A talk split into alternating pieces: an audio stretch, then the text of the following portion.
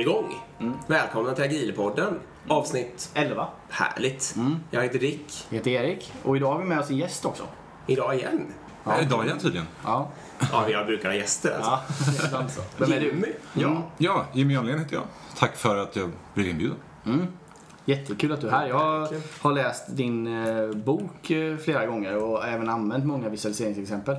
Ehm, så det är därför vi bjöd hit dig bland annat. Och så tänker vi också att vi ska prata om visualisering idag. Mitt bästa ämne. Mm, visst är det det? Som av en händelse. Som av en händelse, av en ren slump.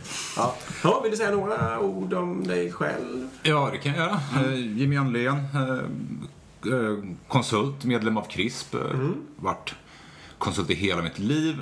Varit medlem i CRISP i fem år.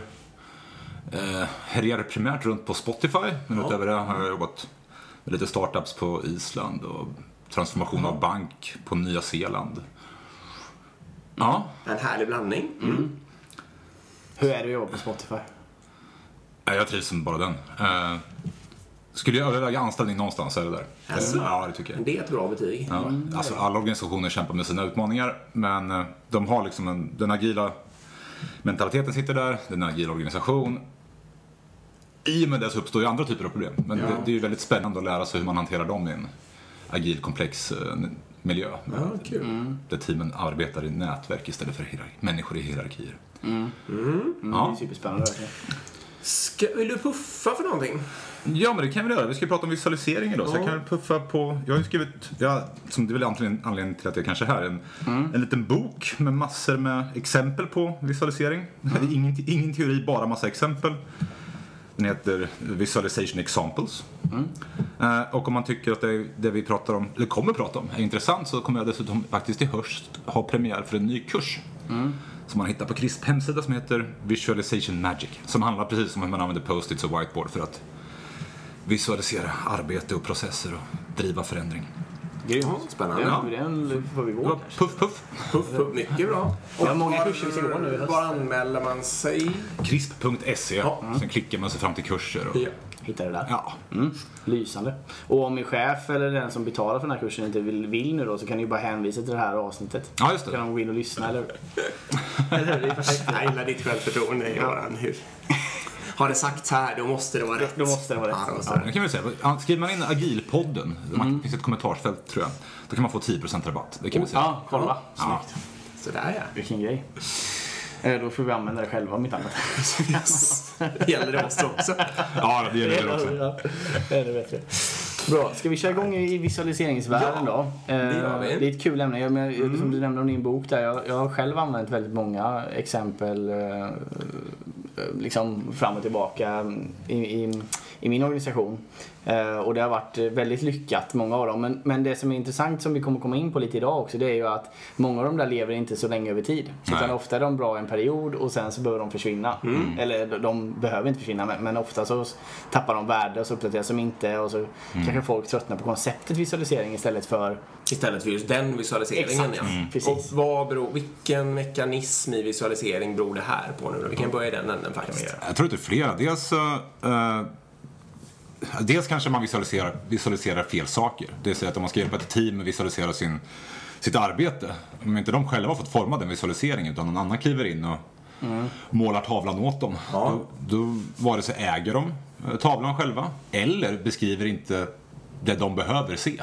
Nej. Så det uppfyller inte deras behov. Den är, inte, an- den är inte användbar. Det du säger är att det är viktigt med självorganisering av den här Ja, visualiseringen. de som ska använda tavlan behöver vara de som skapar den och underhåller den och driver den och äger den. Det är superviktigt. Eh, annars så tappar man intresse. Ja. Man kanske gissar fel. Ibland så tror man att man behöver visualisera någonting. Ja. Eh, så är det så, nej, det är inte sant, det behövde vi inte, det funkar ändå. Eh, det kan också vara så att den spelar ut sin roll, tror jag. Eh, för jag väljer att se på visualisering som ett primärt verktyg för att driva förändring. Till exempel så kanske vi väljer att visualisera våran plan framåt för att vi är dåliga på att kommunicera kring planer. Vi vill förändra vårt beteende kring att prata om planer framåt. Eller vi jobbar på för många saker samtidigt, så vi inför begränsningar i pågående arbete. Eller vi vill förbättra förändringsarbete. Men när de där blivit bra, när man, när man klarat av det där och blivit bättre på det där, då kanske behovet av visualiseringen som sådan försvinner. Och det behöver inte nödvändigtvis- vara någonting dåligt, utan Verkligen inte, nej. nej. Så det, Men där finns det ju en risk då att eh, de som kanske är emot visualisering då, eller om det är någon chef som tycker att "Åh, varför ska ni ha alla de här TV-apparaterna eller whiteboardsen framme? Eh, Då är risken är ju liksom att den då ser att ja, men det här uppdateras inte, det är bara gammal skit Mm. som står på tavlorna, ni går aldrig till dem längre, visualisering behövs inte, bort med tavlorna. Ja, just det. Men är det, är det inte risken nu för tiden snarare att någon chef håller i en gammal visualisering som, som man inte har någon nytta av? Ja, som den är- Skulle jag säga, som- åtminstone där vi jobbar känner Ja. jag nog att det är lite så. Plus att kanske det är risken är, som jag känner också det är att det är chefernas egna påhittade KPI som ska visualiseras. Ja, just det. De är säkert värdefulla och användbara för dem, men jag tror man inte ska förvänta sig att andra ska tycka om att uppdatera den post-it-tavlan. Liksom. Exakt. Ja, Det är fullständigt rimligt. Mm. Så sensmoralen där, kort sensmoralen på det måste ju vara att ja, för in visualisering eh, för det som teamet behöver för stunden. Men var inte rädd för att plocka bort den när Nej. förändringen är gjord inom just det området. Det är ju en viktig sak att Ja, tänka för, ja, faktiskt. För att det motsatta får ju eh, kontraproduktiv effekt. Precis. Om du bara fortsätter visualisera mer och mer och mer, då blir man blind för allting till slut. Och då slutar man bry sig om någonting överhuvudtaget. Liksom. Lägg, precis, hitta nästa grej sen Ja. och ta tag i den Kan man istället. limita antal visualiseringar? Men var- varför inte? Jag gillar det. Ja, men till, en whiteboardsytas storlek är ju en naturlig begränsning på saker man kan Ja, visualisera. Och i ett kontorslandskap så är ju mängden väggyta är ju Ja, men det sett ganska en mycket. Det är ganska mycket. Ja. Men någon slags limit är det ju. Ja, driva förändring, driva beteenden, sa du det? Ja, det pratar jag inte mer om. För att jag, Ja, kör. Dels så kan man ju det finns många olika sätt att visualisera på för att om man vill driva beteenden. Till exempel om man som team vill bli bättre på att eh, begränsa pågående arbete. Då kan man ju dels ko- komma överens om att ja, men vi gör mass, max tre ljus i storyutgången. Sen förlitar vi på oss disci- vår disciplin att nå upp till det. Eller så gör vi faktiskt eh, raderna på tavlan så små så att det bara ryms tre stycken lappar på dem. Av Man, man skapar fysiska begränsningar. vidare. Det går att skapa, driva beteenden i form av Säg att vi vill ha zero bug policy. Mm. Så kan vi trycka ut en kalender, sen kan vi sätta en grön kryss för varje dag som vi har stängt fler buggar än som blivit rapporterade Mm. och ett rött kryss för eh, när vi har misslyckats med det. Och på så sätt så kommer man, man vill ju göra gröna kryss. Mm. Och det här skapar en medvetenhet kring beteenden man vill driva. En liten enkel gamification egentligen. Av, Verkligen. eh, och precis. Och sånt är ju för övrigt superbra att visualisera. Om man håller på med någon slags gamification och spelar lite mot sig själv bara, eller Ja. liksom, eh, som, som helhet, så är det ju superbra att det syns hur bra eller dåligt det Ja, går. visst. Det Eh, driver ju verkligen beteenden. Ett annat effektivt sätt som jag introducerade i team, de sa åt dem att eh, från och med nu så vill jag att ni, under en period åtminstone, varje dag på det dagliga mötet så sätter ni en prick på alla lappar som är i pågående kolumnen, in doing. Eh, sagt och gjort, det gjorde de. Så när mötet var slut så satte de bara dutt, dutt, dutt, dutt, dutt. Gick snabbt igenom doing-kolumnen. Jag sa aldrig att många prickar var dåligt, men det var ju det alla upplevde. Eh, så de skruvade och vred på sig och ville absolut inte sätta den fjärde, eller femte eller sjätte pricken. Nej. Och hur gamear man det här då? Om man vill, om man vill ha färre prickar? Jo, då bryter man ju ner tasksen i mindre tasks. Toppen. Då, Driver man det beteendet Ja. naturligt. ja. då driver man det naturligt. Exakt. Och där måste man ju inte ens jobba med, alla människor kommer ju självmant att börja jobba mot att bryta ner även om man inte liksom sätter några Man mål eller säga det, någonting. Man behöver inte ens Nej, knappt nej, ens precis. Man säga det. Exakt. Ja, det är ju klart, det är ju en jättestyrka faktiskt. Vad är det mer som är bra om man visualiserar det? Oj, eh, många saker. Eh, som jag sa, det, driver, det driver beteenden och det förändrar dialogen man för.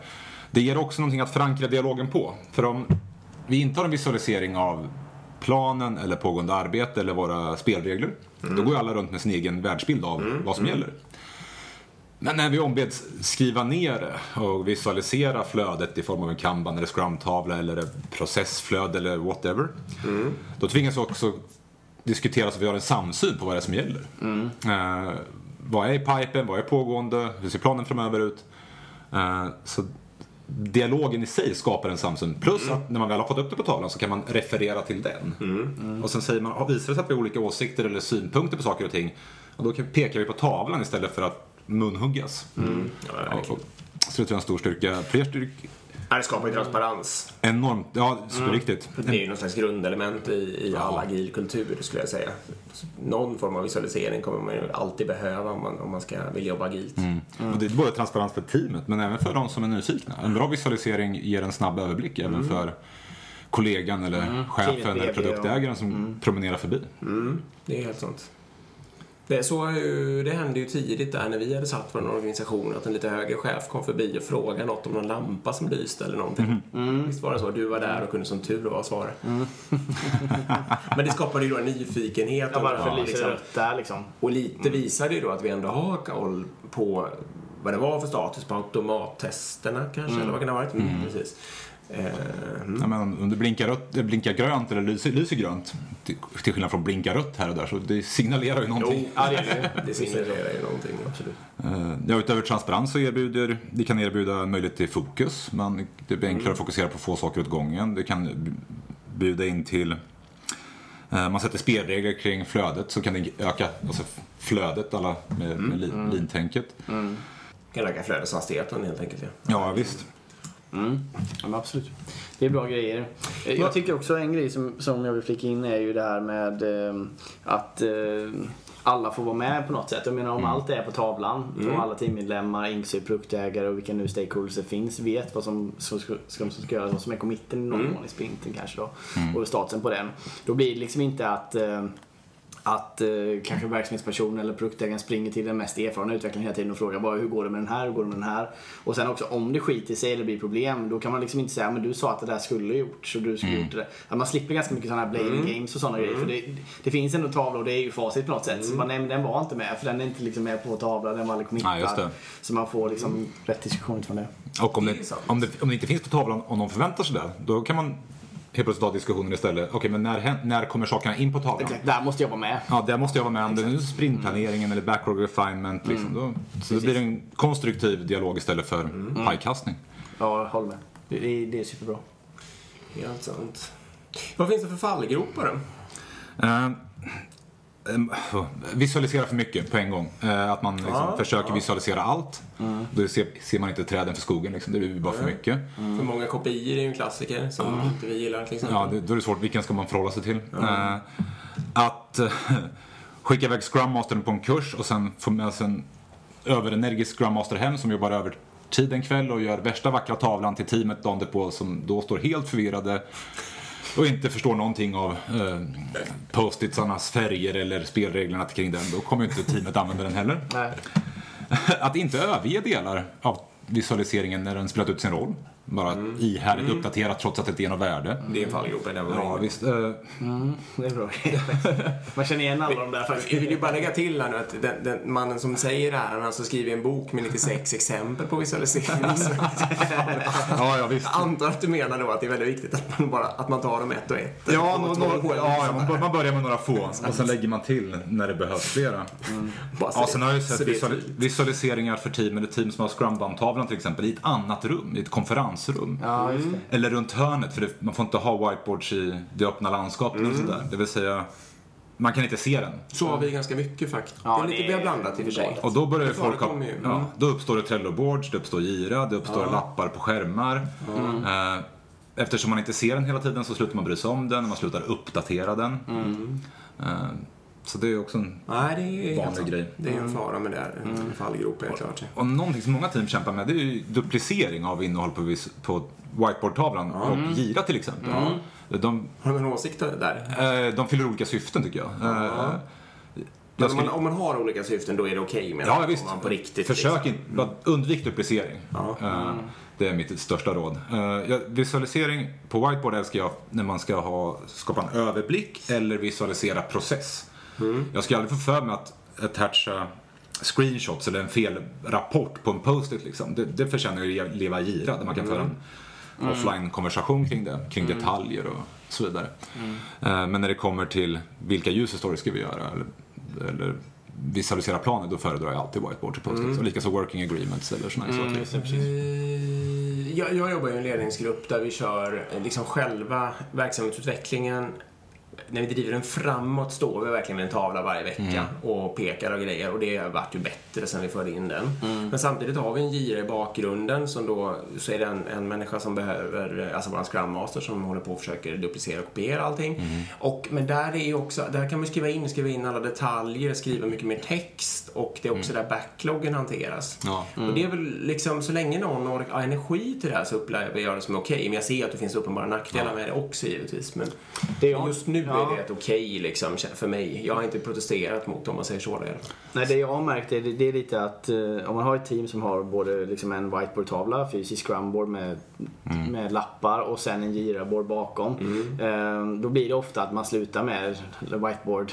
Eh, för, för man kör giran istället, man tar upp en projektor okej. och så, det är min i alla Jag har fall. varit med motsatsen, men visst, jag har varit med om det också. Ja. Och så brukar det ofta uppstå en konflikt om vad är sanningen? Ja, precis. Eh, är, det, exakt. ja, de Den är här. är det lappen ja, eller är det ja, gira-issuen exakt. som är sanningen? Eh, Men som agil coach, när, när folk eller chefer eller team vill hålla både och, ha det gira och en fysisk tavla så uppstår det ju jättemycket bra coachingmöjligheter tycker jag. Ja, men vi, vi har medlemmar som inte sitter på kontoret i teamet. Va? Varför har ni det för? Jättebra fråga. Sitter de i teamet ska de ändå sitta tillsammans. Ja, men vi måste tidrapportera. Varför då? En annan jättebra fråga att ställa. Ja, men vi har projekt. Varför har ni projekt för? Så att de här, att ha till exempel ett starkt behov av gira öppnar upp massa bra möjligheter för mig att vara en krånglig agil coach. Mm, men det är bra. Det, problemet med Gira också det är ju att många använder det jävligt felaktigt. De lägger in hur många timmar har du jobbat på det här och så lägger det i någon faktureringsgrej. Och det, det, går också, det, det är ju en stor nackdel med Gira som jag ser det. Man kan ju komplicera till det något otroligt. Ja. Eh, Det är den största styrkan och svagheten med IRA tycker jag. Det, går ju att konfigurera till vansinne. Men det är ganska jobbigt att konfigurera. Så när man väl har konfigurerat en gång, då vill man inte ändra på det. Eh, Och att jobba agilt, det är ju att hela tiden förändra och tweaka sin egen process. Så att den funkar bättre för teamet och stakeholders. Det är ju en styrka med, med whiteboards, Ja. så att man bara ritar den som man för stunden känner för. Det är Liksom. enkelt att sudda och göra om. Ja. Inte så mycket i Gira.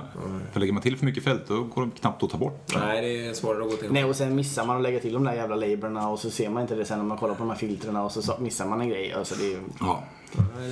så är det. Mm. Det är lite roligare också att visualisera, är det inte det? Mycket roligare. Alltså, den rena lyckan i att flytta en post-it till färdigkolumnen, det, det går ju inte att slå. Nej det är ju sant faktiskt.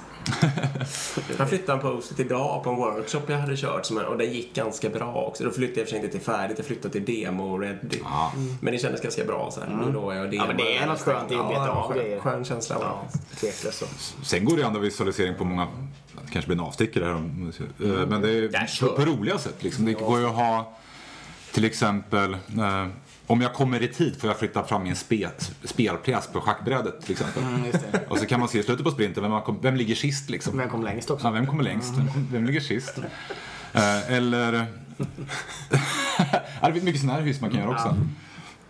Ja absolut, jag vet. eh, Man kan köra man kan köra så man fyller till exempel en, en, en user story kanske är en, eh, en pingisboll och så fyller man ett rör och Ah. det är fullt en tårta till exempel. Just det. Eller teamet får gå ut och göra en after work eller vad som helst. Det var en pers- Det person som skickade, skrev med ett mejl som hade läst boken och blev inspirerad eh, och eh, skickade bilder på ett exempel de hade kört. Då hade de byggt en de hade ritat en fantasykarta, såg ut ungefär ut som Midgård.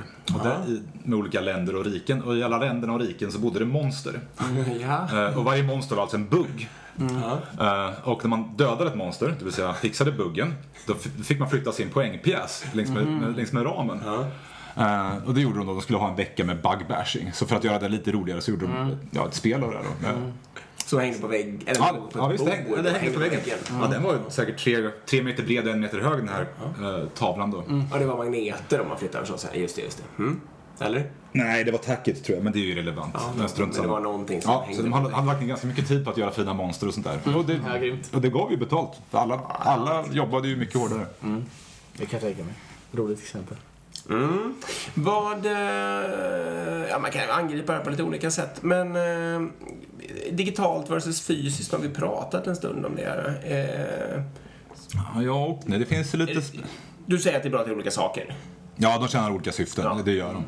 Eh, Men någonting som man inte riktigt kan återskapa med post-its och whiteboard, hur gärna jag än vill, det är ju liksom realtidsmonitorering av nätverk eller release pipeline eller och automatiser- miljöer, automatiserade tester. Det vill man ju ha digitala dashboards för. Eh, Det går ju inte, varför ens försöka göra det med Nej, det är ingen fördel helt enkelt. Men alla, alla former av lite mer långsamt lev, liv så att säga som planer eller just nu pågående arbete. eh, working agreements, definition of done eller ja, vi har olika förbättringsarbeten. Definitivt. Allt, jag, för, jag förespråkar alltid post-its och whiteboards för att det blir mer levande och mer på tangible. Vad säger man på svenska? Nej, Man kan ta på det. Ja, okej. Mhm, mhm. Ta bort. Mm. Ja. Ja. Så det, det, precis, det kan man ju tänka på då. Vad är det för grej jag vill visualisera och så Ja. välja sin metod utifrån det. Det är inte så himla konstigt egentligen. ibland så kommer ju argumentet att ja, men det är viktigt, vi måste kunna dela med andra som är nyfikna. Men då kanske det räcker med en bild. Ta ett foto av tavlan. Det gör det ju verkligen. Och lägga in i PowerPoint eller någonting och Ja. Eh, Jag har jobbat i ett team där det har varit en medlem remote under en period. Och då har det varit tillräckligt att ta ett foto på tavlan efter dagliga mötet och lägga i, i chattkanalen till exempel. Bara någon tar en bild med mobilkameran och lägger den där. Och det, det har räckt. Då har man liksom sluppit duplicera Jira eller Trello eller vad det nu må vara. Vi håller ju på att sätta upp eh, alltså utveckling på flera eh, sajter. Eh, och då, det blir ju, men då är ju hel, alltså varje, ett, ett, teamen är ju inte splittade utan De det är hela på varje de är sajt, interaktiva på varje Ja, sajt. Men i den mån som man gör Scrum och Scrum eller, eller vad, kalla det vad du vill, då behöver ju det ske elektroniskt liksom, eller på något smart sätt i alla fall. Eh, men då är det ju Jira ändå, så det är ju ingen Vi använder fara med det.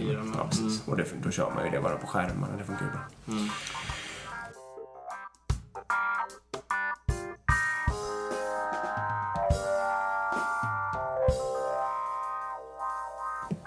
satt och funderade på det innan här med, eh, vad- liksom, var kommer visualisering ifrån? Eh, klassiskt så är det mycket fabrik, eller min bild av det här i alla fall är att det är fabrik och det är, det var som du som pratade om det förut Erik, eh, flöden, flaskhalsar, statusar.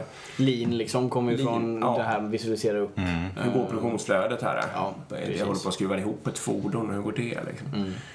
Och då, där, där, men därifrån är ju daily stand-up också i någon mån. Mm. Alltså daglig styrning som det heter inom lean-världen istället. Att man Mm. har på alla nivåer. Och numera och pulsa heter det status. ju RTM och är fyra gånger per dag och sådär. Ja, real time management och sådär. Mm.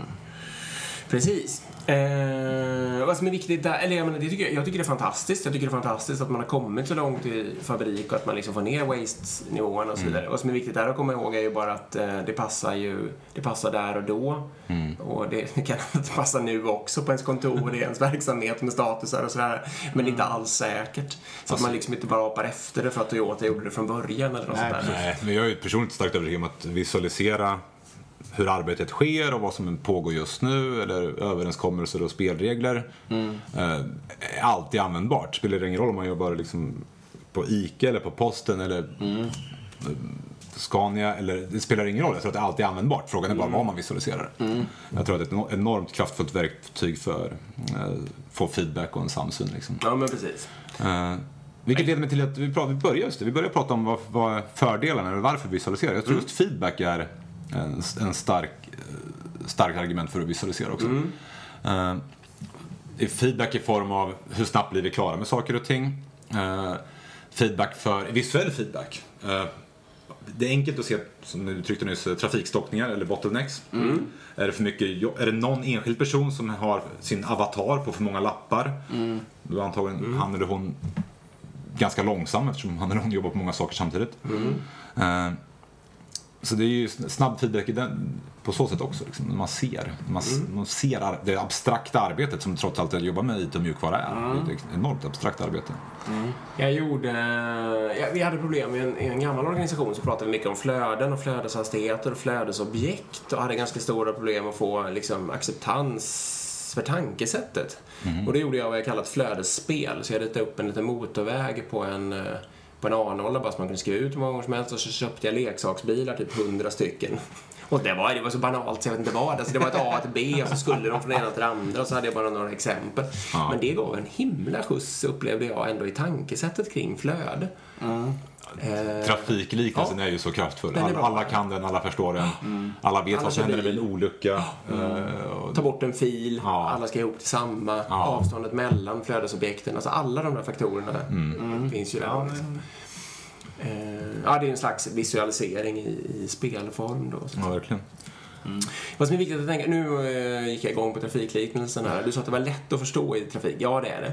Fast det är också en, eh, en viktig faktor där är ju att en smart visualisering, om man, om man, på, om man sitter och stadsplanerar eller någonting, trafikplanerar, då vill man ju se det hela uppifrån. Från, eh, alltså filmat från en helikopter eller något sånt där. För det är inte så himla lätt alla gånger när man sitter ner i sitt eget fordon och förstå eh, var flaskhalsen egentligen sitter. Eh, för man ser ju inte alltid som händer runt omkring. Så när ni gör, och po- poängen med det här är helt enkelt att man behöver se hela fotbollsplanen eller hela spelet i, så långt det någonsin går. Så att säga. Så när man gör sin visualisering och känner att det finns sådana behov och förstår de kringliggande grejerna. Tänk på att göra den tillräckligt stor så att man kan se flödet liksom. Se när man är beroende av att vänta på någon annan. Alla de där sakerna också. Just det.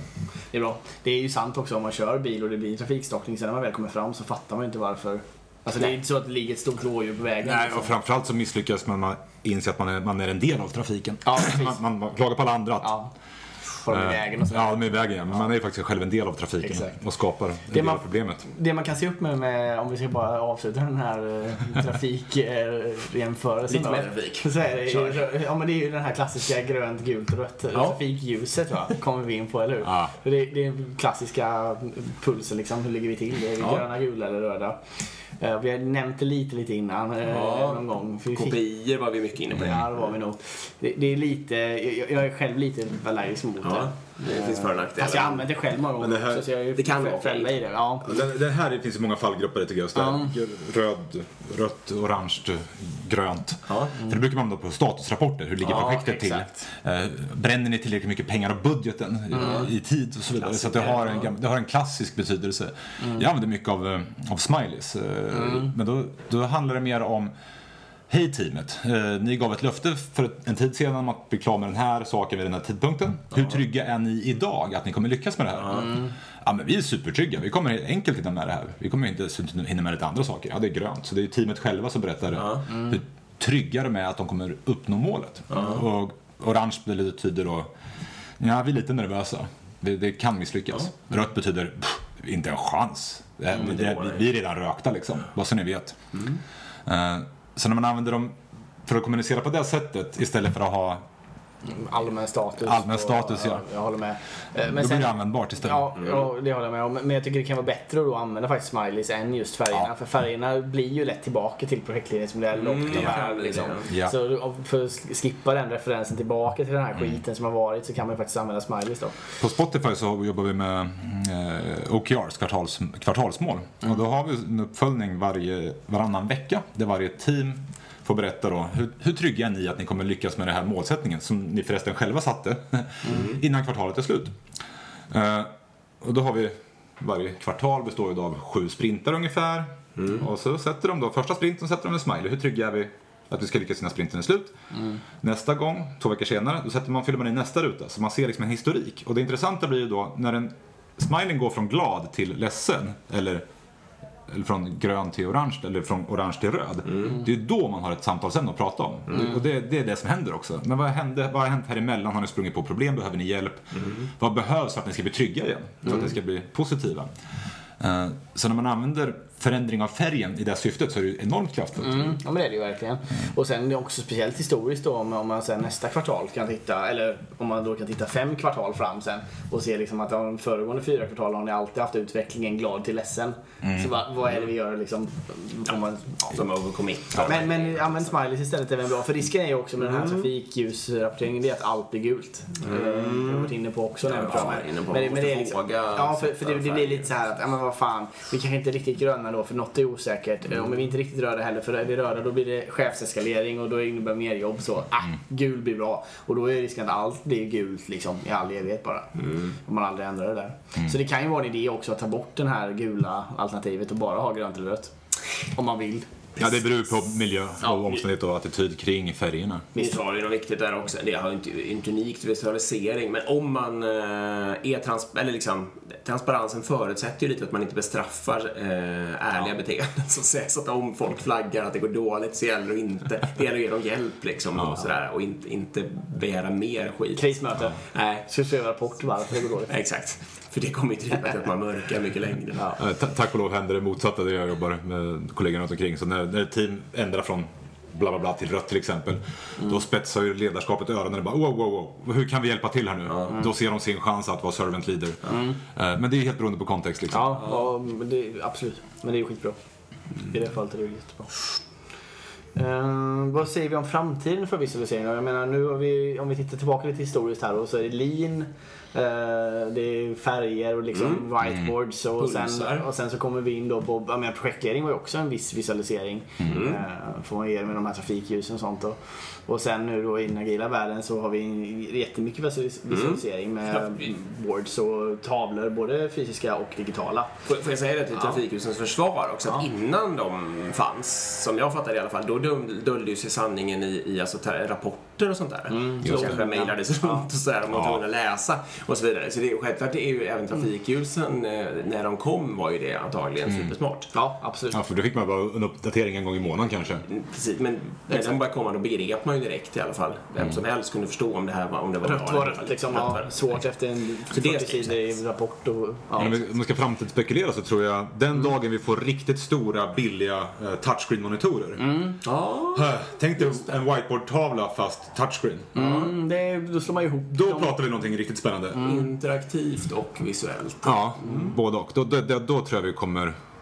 Då kommer jag nog släppa min käpphäst visualisera med post-its. Utan då har man ju, och då tror jag också det kommer hända ganska mycket på eh, stödverktygsfronten också. Liksom. Ja, det tror då jag kommer det nog komma riktigt coola grejer. Vi har ju några sådana alltså projektorstyrda. Men då är det alltså en projektor projicerar en bild och den är i sin tur touch, den vita grejen då liksom. Och det är ju väldigt känsligt det där, för så fort projektorn flyttar lite på sig så vet man Ja, att den behöver kalibreras om och sådär. Men eh, jag vet inte, jag har aldrig upplevt att det finns några vettiga program. Det enda jag har sett folk använda den där till att mata fram powerpoint liksom. Man trycker bara för att få nästa slide. Liksom. Ja, Eh, men, men, men egentligen ger, skulle den ju ge en möjlighet. ja verkligen. Det, det tror jag kommer komma när de droppar tillräckligt mycket pris. Idag är det ju, Ja, det jag, har sett, jag har sett några stora idag, men det, är- det är ju löjliga summor. Det går inte att köpa in. Eh, jag vet inte, jag hoppas mycket på augmented reality, men det är ju en bit bort. Vad är det för något? Du sätter, Google Glass är ett exempel på en early, tidig prototyp som inte är speciellt användbar än. Men där, du, där du kan projicera information eh, Ja, man ser både verkligheten och eh, någonting mer. och en digital överlagring, alltså till exempel 3D-rendering. Du, du, det är bara du själv som ser det till exempel. Så flygplan jobbar väl, stridspiloter har Ja, de har jättemycket sånt. Men tänk dig så att alla tittar, du har en blank vägg egentligen, egentligen. Men när alla sätter på sig glasögon så ser man en, en fantastisk visualisering som man kan dra och slipa. Då kan man individanpassa visualiseringen också. Ja, visst. Beroende på vem som tittar på den ska man highlighta olika saker. Men nu är vi långt fram. Ja. Hur långt fram tror du- spekulerar. Hur långt fram tror du att vi är? Eh, tio år hoppas jag Tio på. år? Det kommer Ja. inte hända. Nej. Det tror jag inte. Men tekniskt sett är det ju inte värre än Pokémon Go liksom. Eller? Ja, jag kan ge dig lite bloggreferenser om det här. jag tror det är lite bökigare än så. Någonting annat jag hoppas på, det är... Alltså, förlåt, jag menar, det är samma grundteknik. Ja, Förlåt, fortsätt. ja, det är det. Eller nej, det är mer komplicerat än så. Men hur som helst. Okej, ja. Eh, någonting annat jag drömmer om, som den största barriären idag tror jag för team som är spridda geografiskt, så att du har fem medlemmar i, i Stockholm och fem i London till exempel. Det är liksom den fysiska kontakten, man ser inte varandra på daglig basis, men i bästa fall så har man en Google Hangout om dagen. Tänk om man kunde göra om en av väggarna till någon form av digitalt fönster. Ja. Så att den väggen projicerar det andra rummet hela tiden. Och sen har du såklart en kamera i bägge riktningar och den där är på konstant. Nu börjar vi närma oss något vi faktiskt har gjort, eller jag har gjort. Eh, Vi har ett team i eh, Brasilien. Eh, Och nu är det tidszonsskillnad då såklart. Men, men det är fördel också för vi vill ha dygnet runt support på den här applikationen. Så det är en Det är fördel. ju en effekt vi Men då har vi, vi har inte en hel, inte en hel vägg men vi har en, TV. liksom, en 50-tums TV som sitter på väggen. Med ett live-call med webcam och mick då. Dygnet runt in i deras kontor. Så man ser liksom, och de, de, sitter där och jobbar. Och den liksom är ganska övergripande. Man ser inga skärmar liksom, utan man ser bara övergripande kontorsbild liksom. Men mick och sånt är alltid på. Så det är bara att gå fram och säga liksom hallå och så då, då, då hör de det ut i sitt kontorslandskap. Eh, Men de hör inte den muta liksom om inte man står Ja, nära. Eh, och det funkar svinbra verkligen. Så man kan gå förbi. Jag har haft jättemånga spontana möten där. Bara gå förbi och känna hej och så bara just det, kan man stå och snacka och ta en kaffe liksom. I, Mycket lättare öppet. Det där tror jag är nyckeln till framgång om man vill jobba liksom, Tror jag geograf, geografiskt splittrat. mm, tror jag också. Och det skulle man kunna kombinera med någon, alltså någon whiteboard eller någonting där man kunde skriva saker förstås. Ja. Och visualisera något som man vill att de andra ska se. Ja. Man skulle kunna ha två TV-apparater, en där man liksom ändrar någonting fysiskt och en där, som, där man bara ser vad de man pratar med så att säga. Sen har jag sett lite så här galna experiment i form av virtuella arbetsplatser i virtual reality. där man går runt, man, som faktiskt typ återskapar, inte, inte ett kontorslandskap, men ändå samma syften som med, med kontor, man har olika rum. Och med virtual reality kan du måla i, i rymden i 3D och du kan Ja. hitta på allt det här. Jag är inte lika övertygad om att det kommer kunna ersätta eller slå liksom brett. Jag tror att det, det, det, den fysiska kontakten saknas och man vill gärna se ansiktsuttryck och ögon och skepsism eller för, nu är personen fundersam. Så att, eh, men det, det är säkert några som kommer prova på det. Och det är säkert folk som gör det redan nu. Alltså arbetar i virtual reality-miljöer med avatarer och digitala, digitala representationer. Så. Men det är kanske bara fråga om tid innan eh, vi har någon form av realtidsrendering av våra egna ansiktsuttryck. Det kan ju vara så, eller hur? Skulle man kunna ha, ja. Mm. Precis som akademisk team. Mm, precis. Om man har tillräckligt mycket bandbredd så skulle man ju verkligen kunna ha Ja. till och med det. Video också. Precis. Spännande framtid då. Eh, Men vi tror ändå att visualiseringen kommer leva kvar liksom. Ja, för, för, innan vi spekulerar om framtiden så ser jag ser att visualisering kommer mer och mer. Alltså jag ser mer och mer team och mer och mer organisationer som använder sig av, av fysiska enkla verktyg. Eh, Just för att det, är så effektivt. Och det, Och det är väl sant. Det är inte bara riktigt då, för nu har vi pratat mest om liksom utvecklingsteam kanske och hur de använder visualisering. Men om man skulle liksom gå upp och prata större organisationer och man ska prata portfölj och synka massor med team eller stora leveranser över flera Ja. team och så vidare. Hur gör man då? Hur man gör? Jag, jag ser ofta vart, vad företag i en transformation börjar. Då börjar man äh, tapetsera en Obey eller ett War Room med sina projektplaner.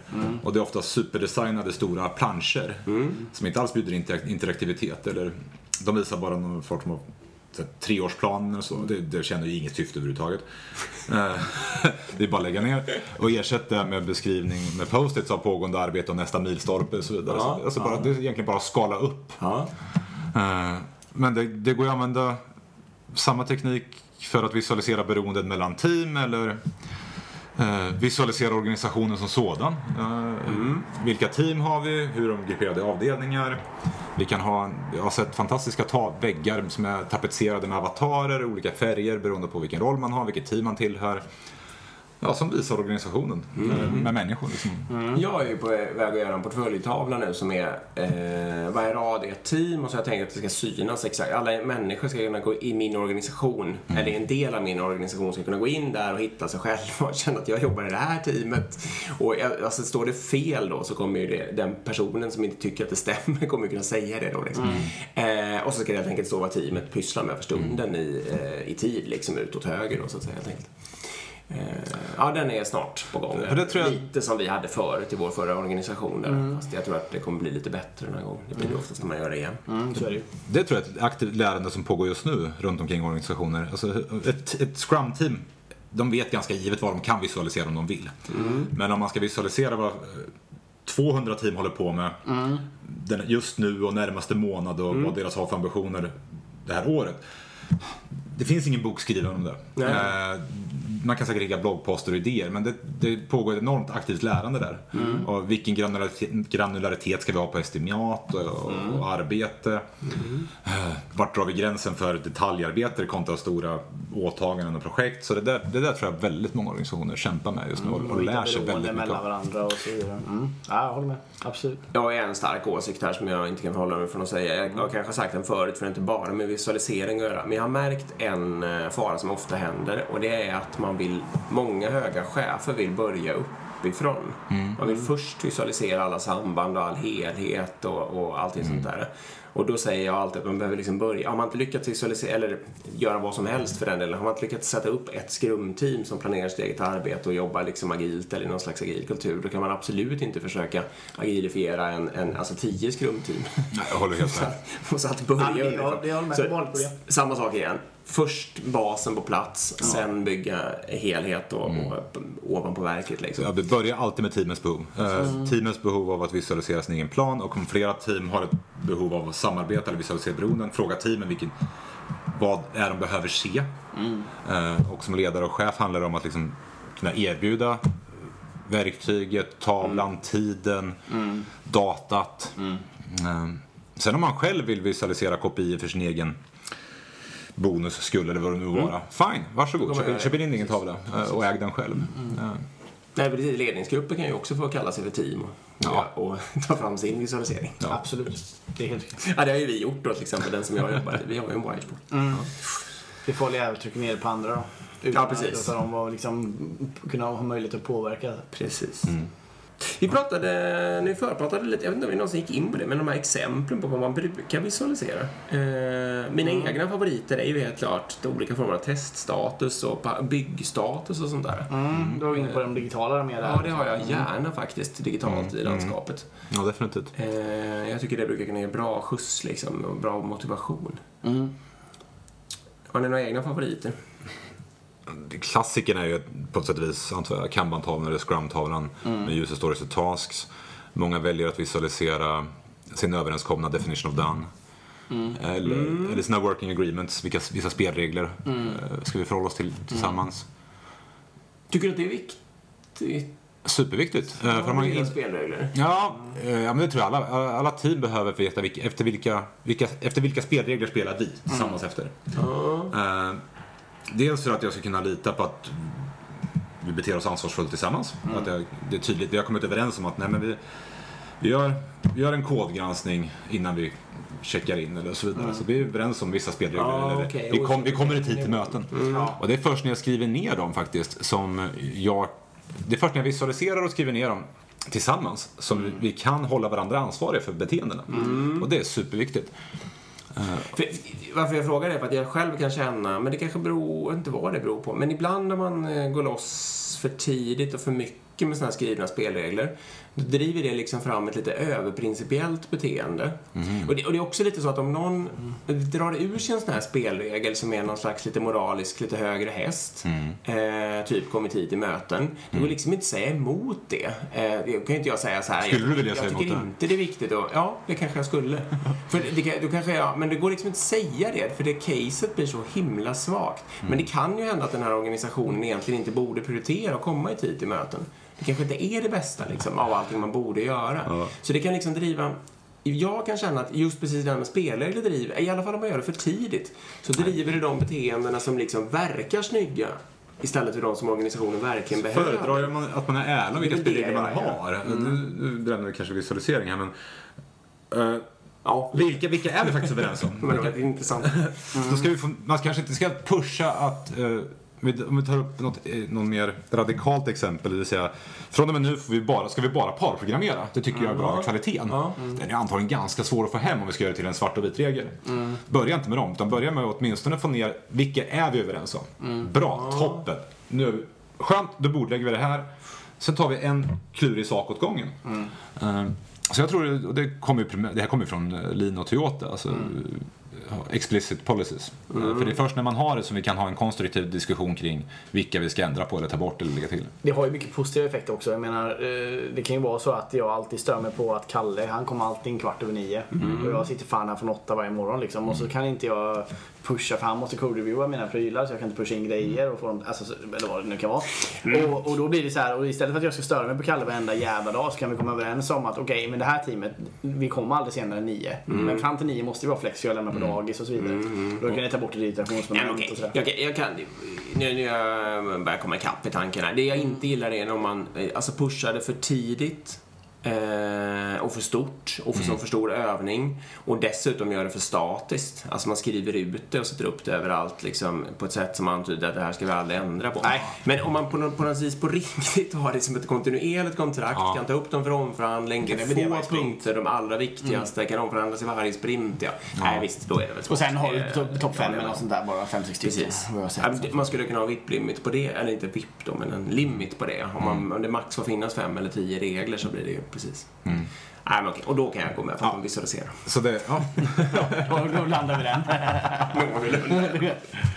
Ja, en fallgrop där är att, att göra en snygg powerpoint och skriva ut. ja, precis. Exakt. Den, den, den bjuder inte in till Nej. dialog eller förändring. Nej, exakt. Vart ligger, ligger den i Wicken eller Confluence eller vart ligger den Ja, någonstans? det Så ska vi skriva ut igen och då, men då helt värdelöst. Jag håller med. Det måste vara en lapp. Bara kladda ner någonting på en lapp Ja. och sätta upp. Och känna att man kan ändra. Ja, ska teamet skriva under eller vad som helst för att Ja, få det visuellt och committa.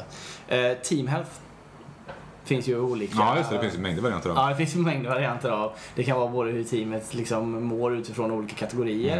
Mm. Ehm, Så det är mer som ett workshop-format kanske. Man kan ju spara det som resultatet som visualisering. Exakt. Om man nu gör någonting en gång i kvartalet, en gång i halvåret, då kan vi se trender över tid. Men det, det ser jag mer som ett workshop-format. Och det är ju, ja, jag att med. visualisera dialoger och workshoppar, det är en hel del. Det är en, parallellt, helt parallellt spår. Eh, En konstform i sig. Ja, det är det ju verkligen. Men, men jag kan tycka att det finns en... Eh, eh, vi, vi använder Teamhouse-konceptet själva då. Eh, och vi gör, det, vi gör det som du säger workshopsmässigt. Vi gör det inte varje rektor liksom, utan det kommer det. när det kommer. Jag vet inte om det är varje kvartal eller det är olika takt på olika team och sådär. Men, men det är en otrolig styrka att visualisera. För det man kan se när man har, om man har uppe det här liksom, över tid så ser man ju också vilka problemområden har man. Liksom. Om vi har, vi till exempel röda på easy to release. Och då blir det liksom, okej, det gäller alla team tycker vi är röda där. Vi har varit det senaste halvåret. Okej, det kanske är ett område för förbättring. Eh, Så. Eh, Ja, för vill man aggregera resultatet på ett snyggt visuellt sätt, då, blir det ju, då stirrar ju sanningen i, Exakt. i ansiktet. Liksom. ögat, ja. Vita ögat, ja. På tal om teamet, jag körde ett experiment med ett team som jag tyckte var lite halvtaffliga på att prata känslor med varandra. Eh, som vissa ingenjörer, eller chefer, det är många som är det. Men så vad jag gjorde då, då satte jag upp ett snöre. Eh, och sen ritade jag en glad, glad gubbe och en sol längst upp och sen ett arg gubbe och ett regnmoln längst ner. Och sen köpte jag klädnypor. På varje klädnypa så skrev jag varje teammedlems namn. Så varje, varje teammedlem hade en egen klädnypa. Sen sa jag bara förbifarten, ja om ni vill så kan ni flytta på eran klädnypa för att visa hur ni mår. Jag sa inget mer. Och folk började flytta på den där. Och de flesta var ju här uppe, men när någon trillade ner och satte den långt ner, då dröjde det inte lång tid förrän en annan kollega i teamet kom och frågade, men Ja, då är det Kalle, inte fråga. Kalle hur, hur står det till? Jag såg att du drog ner den. Eh, och det där levde och mådde bra. Alltså den användes i några veckor. Men sen dog den för att de hade blivit lite bättre. De tappade intresset eller behovet av den där. Men det, det var det där, så här instant feedback i form av teamhälsa. Och var jag sur efter ett möte då kunde jag bara mm, demonstrativt och rycka Ja. ner min klädnypa Ja, för att signalera. Nu är jag arg liksom. Ja, nu är jag arg. Jag behöver inte skrika högt. Eh, Så det finns små enkla eh, fåniga trick också man kan använda sig av. Ja, Det, det, och det är väl bra, jag menar oberoende då för roll och sådär, att hjälpa team. För, det kan ju också vara svårt för team att veta de här olika liksom, knepen och tricksen och att, att sno från andra och sådär. Så det kan ju vara bra som chef eller agil coach eller vad du nu har för roll att liksom pumpa in här finns 96 exempel till exempel. eller andra. Ehm, eh, och liksom om ni känner att ni har behov av någon av dem så kan ni ju testa en en sprint. Alltså, sådär. Det är ett sätt att få in, få in det liksom. Jag tycker vi återkommer till det mycket här nu, så det är verkligen en, verkligen en av slutliga. Man vågar prova, men vågar också ta bort. Ja. Så att man Ja. håller det på en rimlig nivå. Det är ju väldigt viktigt. Och låt inte, om, om chefer och sånt kommer med massor med sådana där tavlor, eh, ta bort, säg nej då och, och, och vänd istället med att säga det är faktiskt det här vi behöver och det här tycker teamet och så visualisera det istället. Superviktigt. Ingen visualiseringsskuld ska man inte bygga upp. Nej, precis. Fick jag det myntat också. Ja. Ja. Bra. Har vi någonting kvar? Jag tror vi bockat av det mesta va? Ja. Vi eh, ska puffa för våra egna grejer också. Ja. Eh, Ni kan skriva in frågor till oss på agilpodden gmail.com. Ja. Eh, Eller frågor, eller feedback eller vad som helst. Eller förslag på gäster eller vad det nu kan vara. Sen finns vi på agilpodden på Instagram. Precis. Det kan man, vi försöker visualisera lite grejer där. Vi ska ta en bild på dig och lägga upp också. Oj då. Eh, vi kan ta en bild på din bok och lägga upp också. Du kan Ja. hålla bok. Kolla nu. Titta. Jimmy håller sin bok här och så kan vi också skriva där var, var ni kan köpa den. Mm. Eh, och sen, och vi finns på Facebook och sådär också. Ja, det gör vi. Agilpodden där också. Precis. Uh, in och följ oss där. Och jag vill säga tack så mycket för att jag fick vara med. Ja, det här var superskoj. Superkul. Jättekul att du kom. Precis. Vi får se, vi bjuder in dig om tio år igen och så kollar vi hur, om du hade rätt eller inte. Nej, jag gör inte det. Okej. Räcker nog med två år. Ja. Tack ska ni ha. Tack för att ni lyssnade. Ja, tack, tack. Hej. Hej.